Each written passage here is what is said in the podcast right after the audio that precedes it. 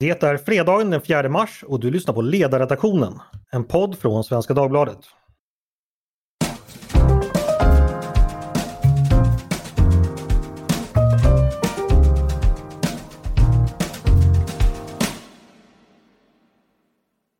Välkomna! Jag heter Andreas Eriksson. Det ryska angreppskriget mot Ukraina går in på sitt åttonde dygn. Hittills har det kantats av en del militära misslyckanden men nu intensifieras angreppen och allt fler nyheter når oss om attacker mot både civilbefolkning och civil infrastruktur.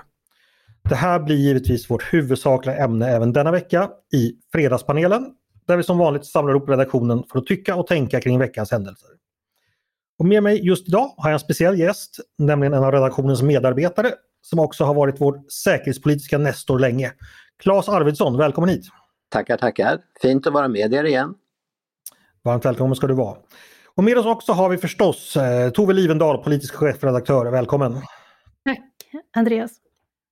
Och slutligen också direkt från Gotland eh, biträdande chefen på redaktionen Peter Wennblad. Välkommen!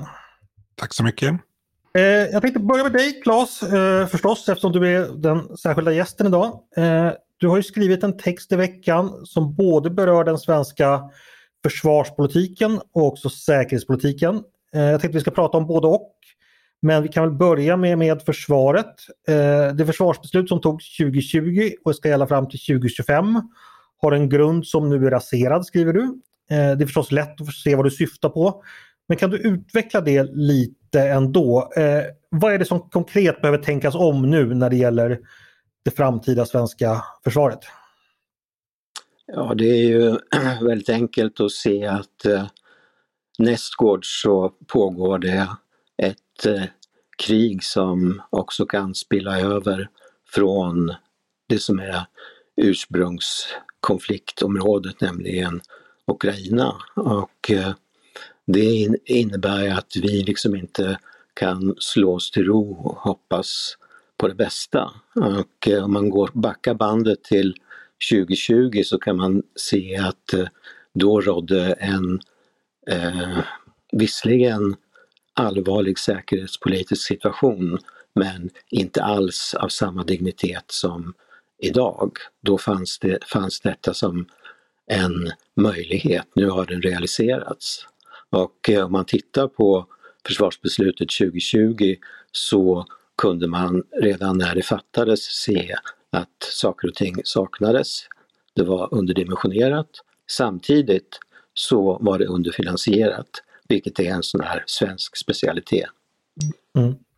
Det ska sägas också att det beslutet som togs 2020 eh, ska ju gälla fram till 2025 och det, den försvarsorganisation vi talar om den ska ju vara fullt utbyggd först framåt. Vi planerar ju ända fram till 2030, det är alltså fortfarande åtta år Och till och med 2035.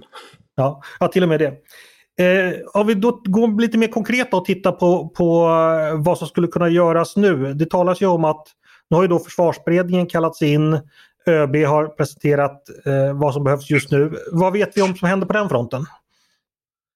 Ja, eh, det, det, pågår ju då förhandlingar och eh, eh, alltså det dröjde ju då fem dagar in på kriget innan eh, Magdalena Andersson förstod att eh, innevarande försvarsbeslut måste ses över men det är fortfarande så att eh, Socialdemokraterna kör sin eh, linje som man har kört väldigt länge, nämligen att hålla emot och hålla emot och hålla emot så länge det går tills dess att man, eh, man eh, ger en del. Men det blir ju då eh, för lite. Och alltså från, från eh, alltså Moderaterna har då till exempel föreslagit att, eh, att man ska eh, gå upp mot 2 eh, av BNP till 2025 istället för planerat 1,5 procent. Mm. Och så diskuteras ju också liksom ett extra tillskott för 2022. Mm. Förstår jag rätt att du tänker att både behöver försvarsbeslutet så att säga göras om fram till 2025 samt att det här och nu behövs extra pengar Ja, ja alltså, man, man, måste, man måste liksom lägga en ny säkerhetspolitisk grund för eh, hur man ska tänka framåt och här och nu så handlar det om, jag menar som, eh, alltså det var ganska enastående när ÖB på Folk och försvarskonferensen säger att eh, vi saknar ammunition för uthållig strid. Eh, mm. Det säger någonting om hur akut man från Försvarsmaktens sida ser på det hela. Och det är liksom i här och nu perspektivet så finns det så otroligt mycket som man skulle kunna göra för att stärka svensk försvarsförmåga. Som till exempel att anställa folk på regementena och eh, pröva att se till att man får fler besättningar, flottan som gör att vi kan använda oss utav våra, våra få, eh, våra få Eh, fartyg som vi har till förfogande. Så att eh, liksom vill man så kan man. Eh, och det handlar om, handlar om liksom från politisk sida, men det handlar också om att Försvarsmakten måste liksom tänka ur sin långsiktiga box som, som sträcker sig fram till 2030-2035 och istället eh, fokusera på här och nu. Och det kan till exempel att man måste fråga sig vad är det som vi kan skjuta på eh, som i och för sig är liksom bra åtgärder men som ger effekt först 2027 och hur kan vi istället använda de resurserna här och nu? För att också ställa sig frågan, vad kan vi tidigare lägga? Så att det liksom finns mycket att göra både från politikens sida och från Försvarsmaktens sida. Och en, i en idealsituation, vilket beslut fattar då politikerna nu när det gäller konkreta pengar till Försvarsmakten? Vad, vad talar vi om för summor då? Alltså det är, eh, det är en fråga som jag inte tycker att jag egentligen vill besvara. Därför att eh, jag sitter inte inne med alla de ingångsvärden som, som behövs för att, eh, att liksom ge ett legitimt svar. Det enda, det enda svar som jag är helt säker på det är att eh, när de här förhandlingarna har landat så kommer de att landa på en för låg nivå. Mm. Eh, det ska sägas då att eh, planen är alltså att nå ungefär 1,5 procent av eh, BNP 2025 var planen. Nu har det pratats om 2 procent vilket har varit ett långsiktigt mål.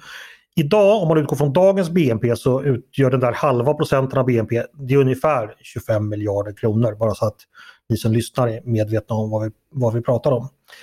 Eh, Claes, det har ju ibland, regeringen har ibland försvarat sin linje, i alla fall som jag uppfattat det med att man kan inte ösa på hur mycket pengar som helst på försvaret utan det, att bygga upp tar tid och det finns så inte, jag tror man har använt förmågan att absorbera pengar är inte är helt enkelt inte så stor. Vad, vad ger du för den? Eller känner du igen den så att säga, motargumentet och vad ger du för det? Uh, ja, jag känner definitivt igen det och uh, det är ju ett giltigt argument. Men uh, det är ju då inte giltigt sett i perspektiv av att det finns så mycket som man faktiskt kan göra och där Försvarsmakten kan absorbera mer pengar. Som till exempel att anställa mer personal. Mm. I din text anklagar du då regeringen och Magdalena Andersson för senfärdighet här. Eh, har du själv funderat på vad är förklaringen till varför det har gått så sakta från, från regeringens sida? Ja, det är eh, lite olika faktorer som spelar in. En faktor kan ju vara att eh, man ser på Magdalena Andersson så alltså hon, hon håller ju då, när hon har färdigskrivna tal så inger hon en känsla av säkerhet och att hon liksom förstår vad det handlar om. Men när hon ska liksom tala fritt så visar det sig att hon inte riktigt förstår saker och ting. Eh, och det som hon förstår och den linje som hon har följt sedan 2014 är ju att hela tiden hålla emot vad gäller eh, resurser till Försvarsmakten. Och eh, hon har ju också på olika sätt liksom visat att hon inte riktigt förstår varför vi behöver en stark försvarsmakt. Så det är liksom ett skäl. Ett annat skäl handlar då om eh, den fredsrörelsen och den Palmenostalgi som finns inom socialdemokratin och som håller emot vad gäller försvaret men också vad gäller NATO. Och eh, det tredje handlar ju då om eh, att man vill vinna valet 2022. kan man ju se att vad gäller den typen utav eh, vad ska man kalla det för, löftespolitik så verkar det liksom inte finnas några gränser för vad som är möjligt i fråga om eh, miljardrullning. Man ska ju också komma ihåg att eh, vad gäller bekämpningen utav effekterna av Corona så tror jag att, att man från statsmaktens sida har liksom lagt ut typ 400 miljarder och mm dessutom så tillkommer ju stora, stora belopp i form av lån och garantier. Så där har det liksom inte funnits någon, någon, något problem att eh, mota krisen. Men däremot så verkar man ha väldigt svårt att förstå behovet av att mota kriget. Mm. Intressant jämförelse där. Jag ska bara berätta till, till er som lyssnar att eh, under covid-hanteringen då framförallt under våren 2020 då det var som skarpast, då la ju regeringen det som kallas då extra eh, budgetar eh, nästan varannan vecka där man ständigt fyllde på med mer pengar. Och det, det, kan ju en regering göra, man helt enkelt fattar beslut om att ändra lite i statsbudgeten och så lägger man mer pengar på det, på de behoven som då uppstått under året. Det, eh, så det är oproblematiskt. Alltså det, är, det har varit ganska mycket fokus på att saker och ting måste ske i vårbudgeten men, men det finns möjlighet att göra ändrings, ändringsbudgetar. Mm, just det. Eh, tack så länge Claes, ska släppa in Tove lite här. Eh, när du hör Claes, vad tänker du om de här, alltså det politiska svaret både från regeringen men från svenska politiker generellt på den nya situationen. Eh, vad gör du när det gäller just, kommer just till försvarspolitiken? Vad, vad tänker du om det? Eh, jag tänker därför att det finns, vi har ju precis fått den här Coronakommissionens slutrapport, att det finns någonting som går igen i svensk reaktionsförmåga och, och, och framförallt kanske den här oförmågan till spatialt tänkande i politiken, att kunna se det som ännu inte har blivit men som skulle kunna bli. Och det handlar ju både om i, i bästa fall eller i värsta fall, och i det här, både i, i pandemihanteringen och när det gäller eh, hot i vår omvärld så handlar det om att kunna ta höjd för det som riskerar att inträffa. Man hoppas att det aldrig kommer att ske, som man, säger, man hoppas på det bästa men man måste ändå förbereda sig för det värsta. Och det där med att förbereda sig för det värsta, det är ju någonting som vi har tänkt bort under lång tid. Claes har ju skrivit mycket och under lång tid om det och att den oförmågan att, att se potentiella risker som eh, kanske är lite diffusa i konturerna, det har ju, det har, det, där finns det ju försyndelse på alla politiska håll. Så att jag tänker att det finns kanske något svenskt i det och när man eh, ibland ska försöka skildra den svenska eh, sättet att vara och tänka så en av de saker som man inte vill göra det är ju på något sätt att vara krösam i att springa och varna för saker som inte kommer att hända och ojar sig och jagar upp sig. Jag tror det var Mauricio Rojas som sa att det är en dödssynd att vara före sin tid i Sverige.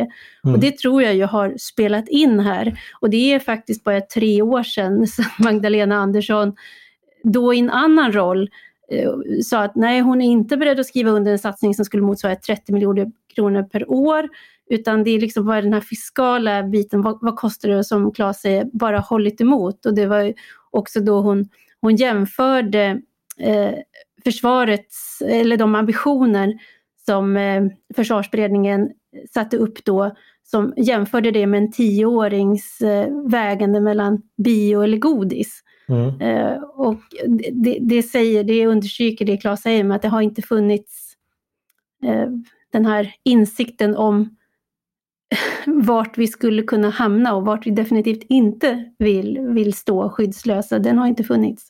Mm. Dock ska det ju sägas också tänker jag att eh, det, vi har ju faktiskt en borgerlig budget nu eh, som då förhandlades av Moderaterna och Kristdemokraterna tillsammans med Sverigedemokraterna. Mm. Den innehöll mm. inte några nya satsningar på försvaret. Varför inte det, tror du? Tror du? Nej men det, jag tror att där finns det det, där, där, de här tre punkterna som Claes tog upp, de finns väl också i, eh, som förklaring på den borgerliga sidan att nu är det valrörelse och det är många, och man har liksom fastnat i den här krona för krona logiken som etablerades för många år sedan.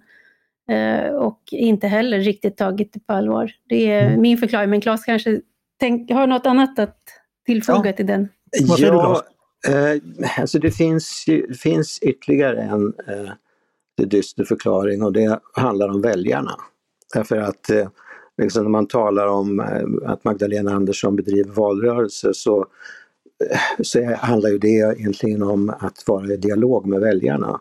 Och väljarna ger ju också då uttryck för eh, tankar och ambitioner. Och eh, det var någon, jag såg någon sån undersökning eh, där man, som handlade om att man skulle eh, ange vilka ämnen, vilka frågor som var de allra viktigaste. Och, eh, och liksom det fanns väldigt många att välja på och eh, som man kunde liksom kryssa i hur många som helst. Och eh, före jul eh, när Ryssland då under lång tid hade laddat upp och det var mycket diskussioner etc. etc så var det 12 procent av väljarna som ansåg att eh, försvaret var en viktig politisk fråga. Eh, utrikespolitik eh, ansåg jag 6 procent som tyckte det var en viktig fråga.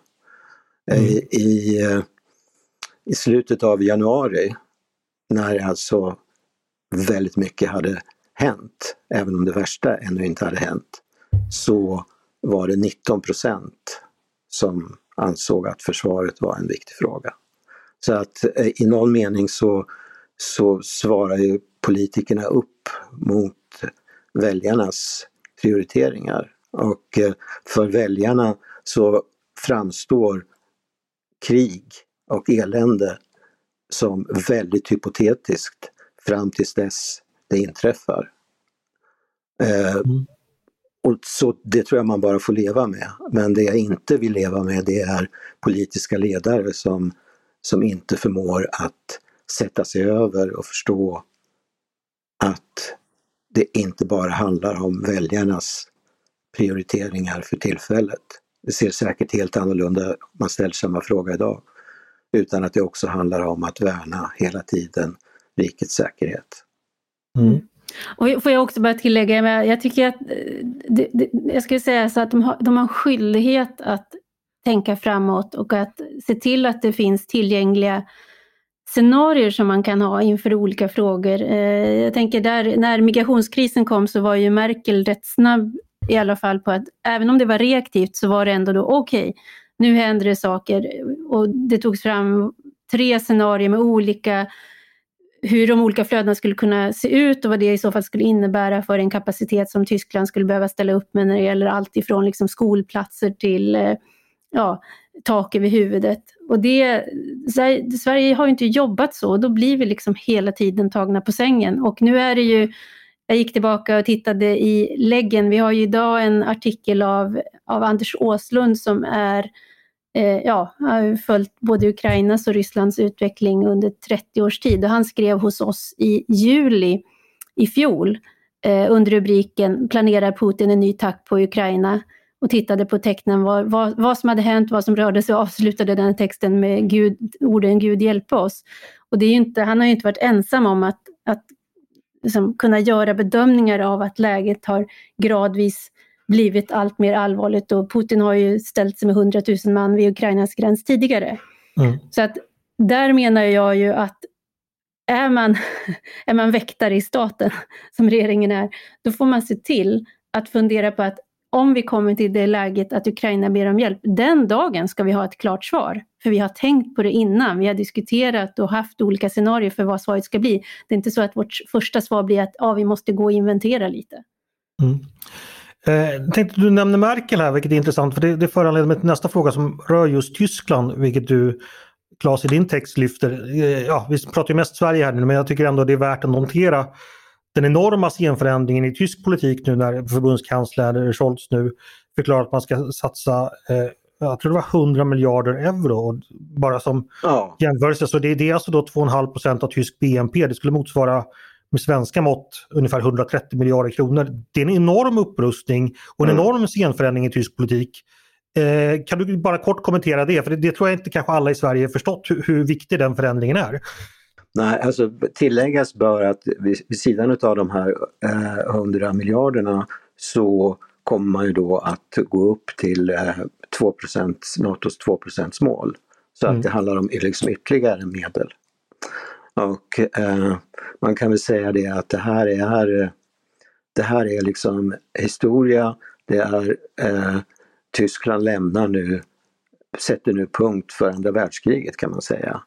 Mm. Eh, man har av historiska skäl tidigare fört en, eh, alltför vänlig, om man uttrycker det så, politik gentemot eh, Ryssland.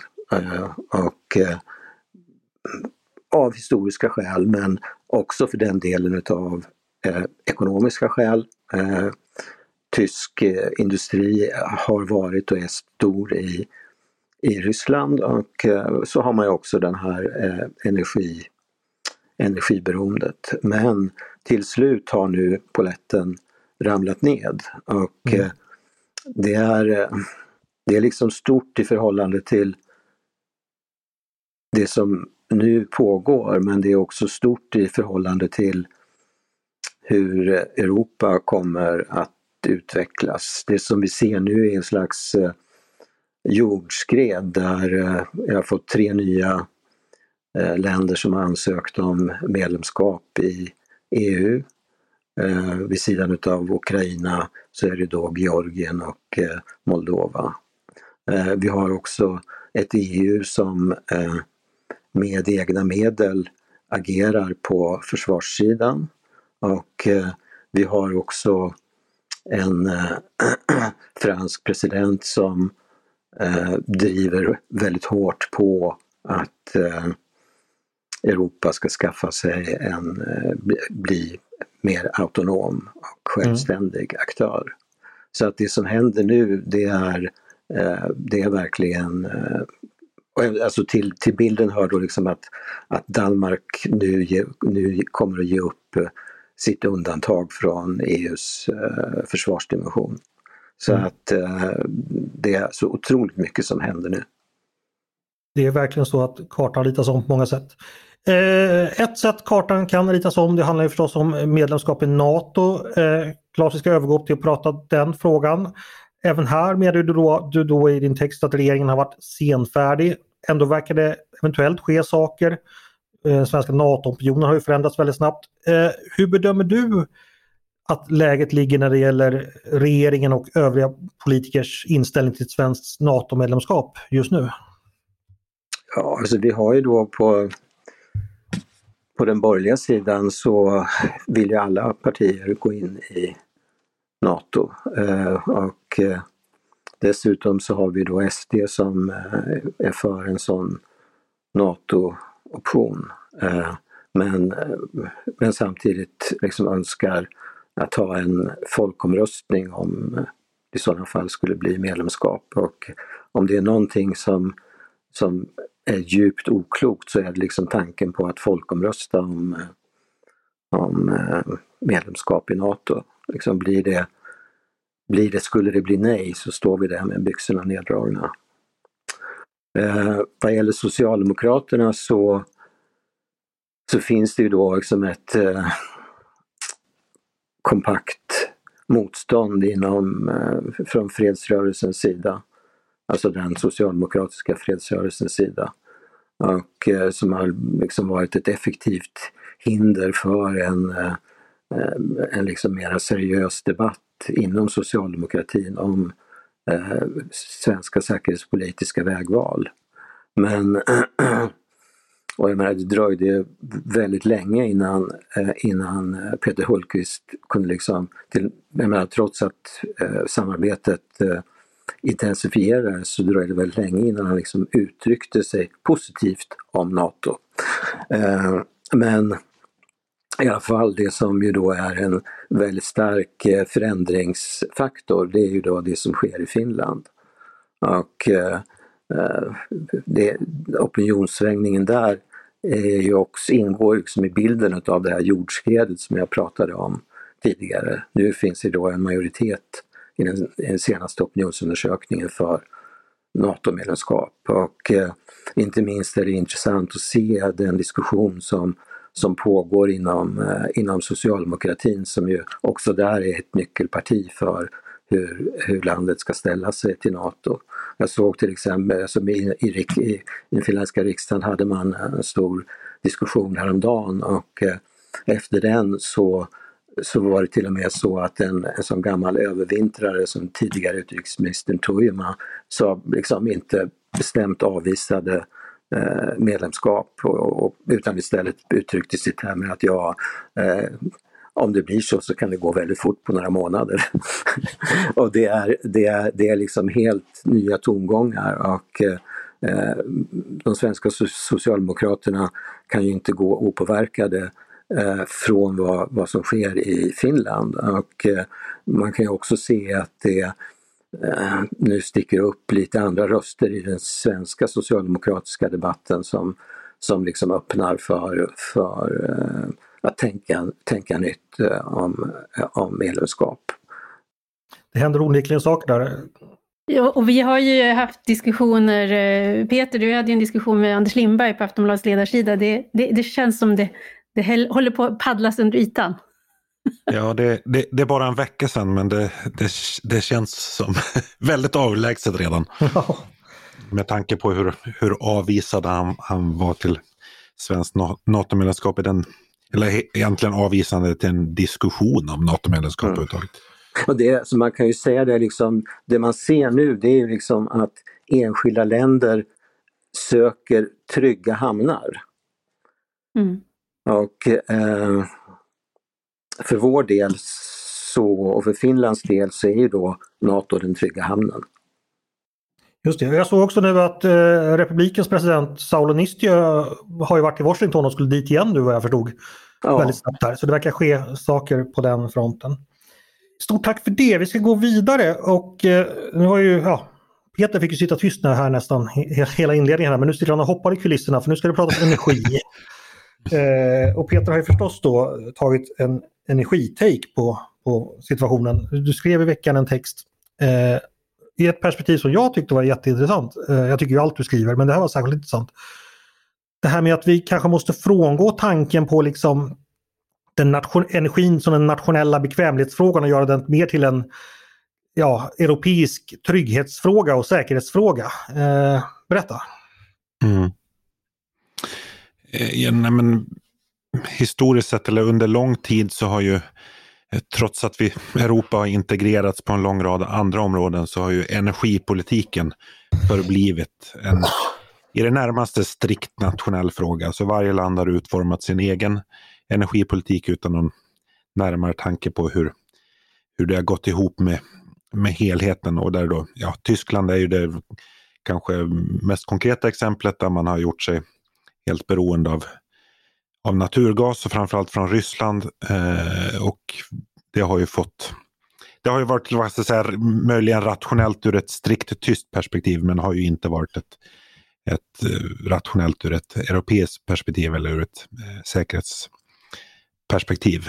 Och om det nu är så att liksom, vi vill göra oss oberoende av energi från Ryssland, eh, då får ju det enorma konsekvenser. Eh, så vi är ju det är väl 60 procent av naturgasen som vi använder i Europa som är från, från eh, Ryssland och det används till väldigt grundläggande saker i många länder att tillverka, göra elektricitet och mm. eh, värma hus. Och då liksom Naturgasen står, det står ju för en baskraft i många länder och ska man ersätta den med någonting annat, det är inte alldeles enkelt. Det, där står det ju bara ett fåtal energislag till buds, nämligen typ kärnkraft och eh, vattenkraft. Och min poäng var ju lite grann egentligen bara att vi behöver ha en förutsättningslös diskussion om så här, vad kan Sverige göra? Vi har ju haft en diskussion som bara handlar om, om baskraft för egna behov, men vi har ju också möjlighet att exportera mm. baskraft om vi växlar upp vår, vår kraftproduktion. Och det vi, finns är inte, för... vi är ju inte det minsta beroende av rysk gas ska sägas heller. Ska sägas. Nej, exakt. Eh, det finns väl kanske en, någon molekyl här och var i de färjor som går på eh, naturgas. Och så här. Men i stort så är det ju är det väldigt lite som går till Sverige. Men jag får komma igen, så jag är inte helt eh, enig med, med Peter vad gäller eh, frågan om energi, energisäkerhet. Därför att eh, alltså allt sedan vi började diskutera problemet med ryskt gas, att Ryssland använder gasen som vapen så har det då som varit en, en vilja och en politik från eh, EUs sida att öka energisäkerheten så tillvida att man har liksom eh, kopplat ihop eh, de olika ländernas energi, eh, energisystem som vi i Sverige har till exempel byggt kablar till Baltikum och till, till Polen. Eh, så i den meningen har man prövat att, och, och, och att agera men det man då inte har gjort det är ju liksom att man då inte har eh, minskat beroendet av eh, rysk gas. Så i den meningen så håller jag naturligtvis fullkomligt med Peter. Eh, ja, bara... jag, jag, tror, jag, tror, egentligen inte att vi är, vi är oense här, för det är helt rätt att, vad ska jag säga, el, elmarknaden i Europa har ju eh, integrerats, men det har ju inte alls varit samma eh, in, integrering på liksom, produktionssidan. Alltså, vi, vi har integrerat, när, när energin, när elen väl är producerad, ja då har vi integrerat distributionen av det eh, mellan olika länder. Och så till viss del kan vi liksom eh, hjälpa varandra, men det har inte alls varit samma fokus på integration i, på, i produktionsledet. Ja, sant. Så bara, eh, eh bara, bara komma ihåg nu, alltså för ganska många år sedan så var det då diskussion om eh, Sverige skulle importera rysk gas. Och det fanns många seriösa aktörer som, som ville att eh, vi skulle dra en ledning till Sverige. Och nu blev det inte så, det var ju väldigt tur. Men eh, eh jag och P. Anders Linder som då var eh, politisk chefredaktör, vi träffade folk på Stockholms handelskammare som ville sälja den här idén till oss. Och eh, då när de var färdiga med sin föredragning så ställde jag frågan, liksom, ja, finns det några säkerhetspolitiska aspekter som man kan lägga på det här? Och då blev svaret, eh, nej, det är en annan fråga. Punkt slut. Mm. Så. Till, eh, ja, lite som dess. Eh, men eh, sagt Peter, väldigt intressant. Du nämner ju exempelvis vattenkraft. Vi har ju möjligheter att bygga ut vattenkraften i Sverige. Vi har valt att inte göra det av, av vissa skäl, men det är kanske en sån sak man skulle kunna ompröva då, tänker du? Ehm, ja, absolut. Alltså, jag förordar inte att man ska bygga ut eh, vattenkraften, men i, min poäng i texten var ju att alltså, alla sådana... Det finns ingen naturlag som säger att vi ska ha fyra orörda eh, älvar. Alltså det finns en ganska stor energipotential här. Vi kanske till slut landar i att vad säger, det är inte värt priset till, i form av, ja det är ju stor påverkan om man bygger ut vattenkraften, men, men det är ju liksom, det är ett politiskt beslut som vi har fattat och som vi fattade för ganska länge sedan under, under andra eh, förutsättningar än, än, vad som är nu. Och jag tror att mm. vi, be, vi behöver ompröva alla sådana givna sanningar. Mm. Eh, vi ska gå vidare. Inklusive kärnkraften. Ja. ja. Definitivt, där är vi nog alla överens. Eh, vi ska gå vidare till dig Tove. Eh, du skulle nämligen passa på att tipsa om, jag tror att det är många som sitter där hemma nu och känner en vånda och en frustration inför det som sker i, i Ukraina naturligtvis. Eh, svårt att veta vad man ska göra men du kan i alla fall berätta att det pågår ju mobilisering i Sverige. Det har nämligen dragits igång en proteströrelse som faktiskt har 30 år på nacken som kallas Måndagsrörelsen. Kan du berätta vad det är för någonting? Ja, det ska jag göra. Det den startade 18-19 mars eh, 1990 och det var ju precis när Baltikum höll på att frigöra sig från Sovjet på olika sätt. Det hölls val och eh, Litauen var väl just då, hade fått sitt val eh, ogiltigt förklarat av Sovjet som sa att nu det är bäst att ni tar tillbaka det här. Så det var ju dramatiska dagar och eh, då så startade eh, Gunnar Hökmark, Anders King eh, och Håkan Holmberg, Peter Luxep var också med på detta. Ett stående möte och det var med inspiration från Leipzig där Mats Svegfors hade fångat upp att man höll sådana möten varje måndag. Och det blev då modellen för Svenska måndagsrörelsen som kom att samman, ja, ha sammankomster i två års tid eh, och kunde konstatera att då, då hade vi ett fritt Baltikum när de två åren var till ända.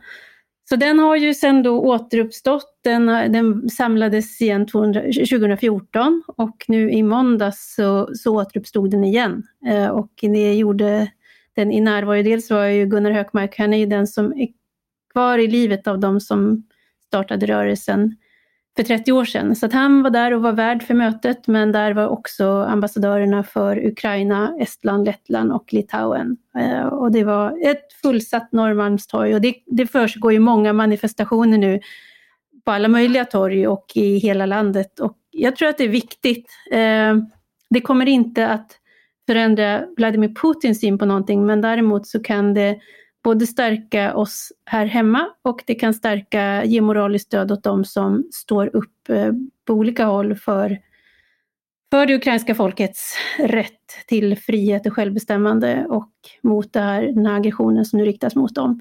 Sen finns det ju också, ska jag säga, många andra saker som man kan göra och eh, Maria Ludvigsson har skrivit en text om det hittills och kommer att skriva en till och det handlar om att man var och en kan också hjälpa mer konkret än att också alltså, bara manifestera med ord och, och så. Man kan eh, skänka pengar till organisationer som är duktiga på att hjälpa till i kris och konflikt. Man kan bidra till de olika insamlingar som sköts, men den, den text som är på väg att skrivas handlar ju naturligtvis också om att eh, empati är fantastiskt och det är liksom någonting som bär mänskligheten, men det blir ännu bättre om man också precis använder den där förmågan att tänka i flera steg framåt och att verkligen rikta in nu kraften till sånt som eh, hjälper och inte skälper. För det finns också exempel på att det, det sker, vi har, så mycket, vi har liksom känslorna all over the place, att det finns också eh, en risk att man eh, i sin iver att hjälpa till bara hjälper till att skapa kaos snarare på de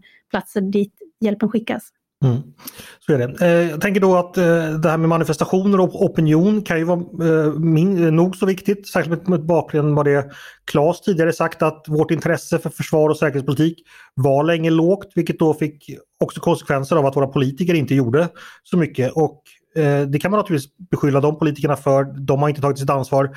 Men som medborgare har man givetvis också ett ansvar att visa vad man tycker, eh, tänka över den tid man lever i och vad man vill få ut av den tiden helt enkelt tänker jag. Men jag, jag såg ett faktiskt ganska häftigt exempel på vad ska man säga, att de här manifestationerna vi har här som man kan känna sig gör det verkligen någon, någon skillnad. Eh, jag bor ju i Visby och det var en stor manifestation här igår kväll. Och det tog bara tim ett par timmar så jag följer en av de största ukrainska telegramkanalerna. Det finns en, en app som heter Telegram. Mm. Eh, och ett par timmar efter manifestationen så dyker det upp en bild från Visby i den här ukrainska och liksom, det, jag kunde inte ens läsa vad det stod men jag kände ju igen eh, bilden. Så, så, att det är klart att det når ända dit eh, och att det, det stärker dem i, i deras motståndskraft. Mm. Nu, nu har vi nästan... Känna att de är sedda av världen.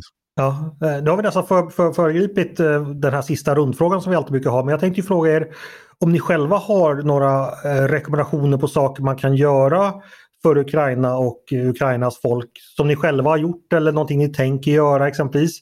Tove, jag antar att du rekommenderar ett besök på måndagsrörelsen igen? Absolut, eller någon annan manifestation eh, där man bor nära eller känner att man, man kan ju också starta, ta initiativ själv eh, till att starta någonting. Jag såg, eller jag fick höra av en väninna att i ett bostadsområde så hade det stått två flickor och sålt kakor som de hade bakat själv och eh, överskottet skulle då skickas eh, till Ukraina. Jag var på lunchen in på bokhandeln här eh, på Stora torget i Uppsala och fick då frågan om jag ville runda upp eh, till en hjälporganisation eh, direkta sändningar då till Ukraina. Så det, det, finns ju sådana här många saker man kan göra så att jag tänker bara att man, man ska hitta det som känns rätt i ens eget hjärta men göra det för jag tror att det är viktigt att man känner att man är att vi är, precis som Peter är inne på, vi alla i, det, I den bemärkelsen så är vi världsmedborgare och har ansvar för den värld vi vill eh, ha omkring oss. Och därför så ska man göra någonting. Sen tänker jag också att det finns säkert människor i ens närhet som känner stor oro och som kanske också kan ha svårt att hantera den oron. Eh, och eh, där kanske man också kan hjälpa till att göra en insats och det kan ju antingen vara att hjälpa till att förklara saker men det kan också vara rådet att stänga av och ta en paus från nyhetsrapporteringen om den blir för överväldigande. Det, vi, behöver hålla oss, vi behöver hålla oss starka i, i, i sinnet och då, kan det, då får man liksom också försöka hitta balans i det här. Vi behöver uthållighet inte minst. Eh, mm. Claes, skulle du vilja skicka med någonting till de som lyssnar på vad man kan göra eh, om man vill bidra? Vad tänker du då? Ja, alltså de, dels, jag menar dels, dels kan man ju då liksom gå ut och vara med i olika manifestationer men är det så att man liksom inte är lagd åt det hållet så, så kan man ju då, finns det ju då många olika kanaler som man kan liksom stödja Ukraina med ekonomiska medel. Och eh, sen liksom vad gäller oss som mera håller på med det så, eh, så, kan, så, så kan man ju också liksom göra en, en, ge ett bidrag genom att eh, tala med människor och förklara för människor hur läget ser ut och vad som kan hända och vad som inte kan hända. Så eh, inte minst, och det låter kanske väldigt patetiskt, eh, men i alla fall så känns det viktigt för mig att ha Ukraina i mitt hjärta. Mm. Det är inte det minsta patetiskt tycker jag. Eh, det tror jag faktiskt är det där många saker avgörs i världshistorien. Peter, vad tänker du? Ja, alltså jag måste erkänna att jag tycker att det är eh, svårt och jag, jag förstår liksom den här, och kan känna den själv, den här reflexen att man, man vill göra så mycket, man vill åka ner och vill, eh, bli väldigt handgriplig. Men jag, ibland tror jag kanske att vi gör det lite för svårt för, gör det lite svårt för oss. Jag tror att bara att ge pengar alltså till de som är på plats och så, säger, det, är, det är nog ukrainarna som själva vet bäst eh, vad de behöver och där är liksom bara att få hjälp med pengar är ett eh, viktigt mm. verktyg för att eh, så att ja, jag, tänk, jag tänker ge pengar till eh, de som redan är mm. på plats. Det var också det rådet vi fick när vi hade Röda Korsets generalsekreterare från gäst i podden tidigare i veckan. att eh, ge pengar så att eh, de som jobbar professionellt och sådär, de vet hur pengarna ska fördelas. Och de som behöver hjälpen, eh, de vet också själva vad de bäst, bäst behöver. Så att det kan man göra. Jag har gjort det själv. Jag gav pengar till UNHCR. Eh, det finns många andra organisationer man också kan ge till förstås. Bra, då, då slutar vi där för idag. Vi kommer naturligtvis fortsätta nästa vecka med att prata om, om kriget och det som händer i Ukraina. Vi kommer även prata om andra saker också. Eh, men tack så mycket hörni eh, för den här fredagen. Tack så mycket Tove! Tack Andreas och trevlig helg! Och tack Peter! Tack! Och stort tack till dig Claes, vår särskilda gäst, för att du ville komma och bringa lite klarhet och klokhet över situationen. Hoppas du kan komma tillbaka snart igen. Tack, fint att vara med Och tack till er som har lyssnat på Ledarredaktionen, en podd från Svenska Dagbladet. Ni är varmt välkomna att höra av er till oss på redaktionen med synpunkter och idéer på det vi har precis diskuterat. Eller om ni har förslag på saker vi ska ta upp i framtiden. Maila då bara ledarsidan snabel svd.se. Med det ber jag att få önska trevlig helg. Dagens producent har varit Jesper Sandström. Själv heter jag Andreas Eriksson och jag hoppas att vi hörs igen snart.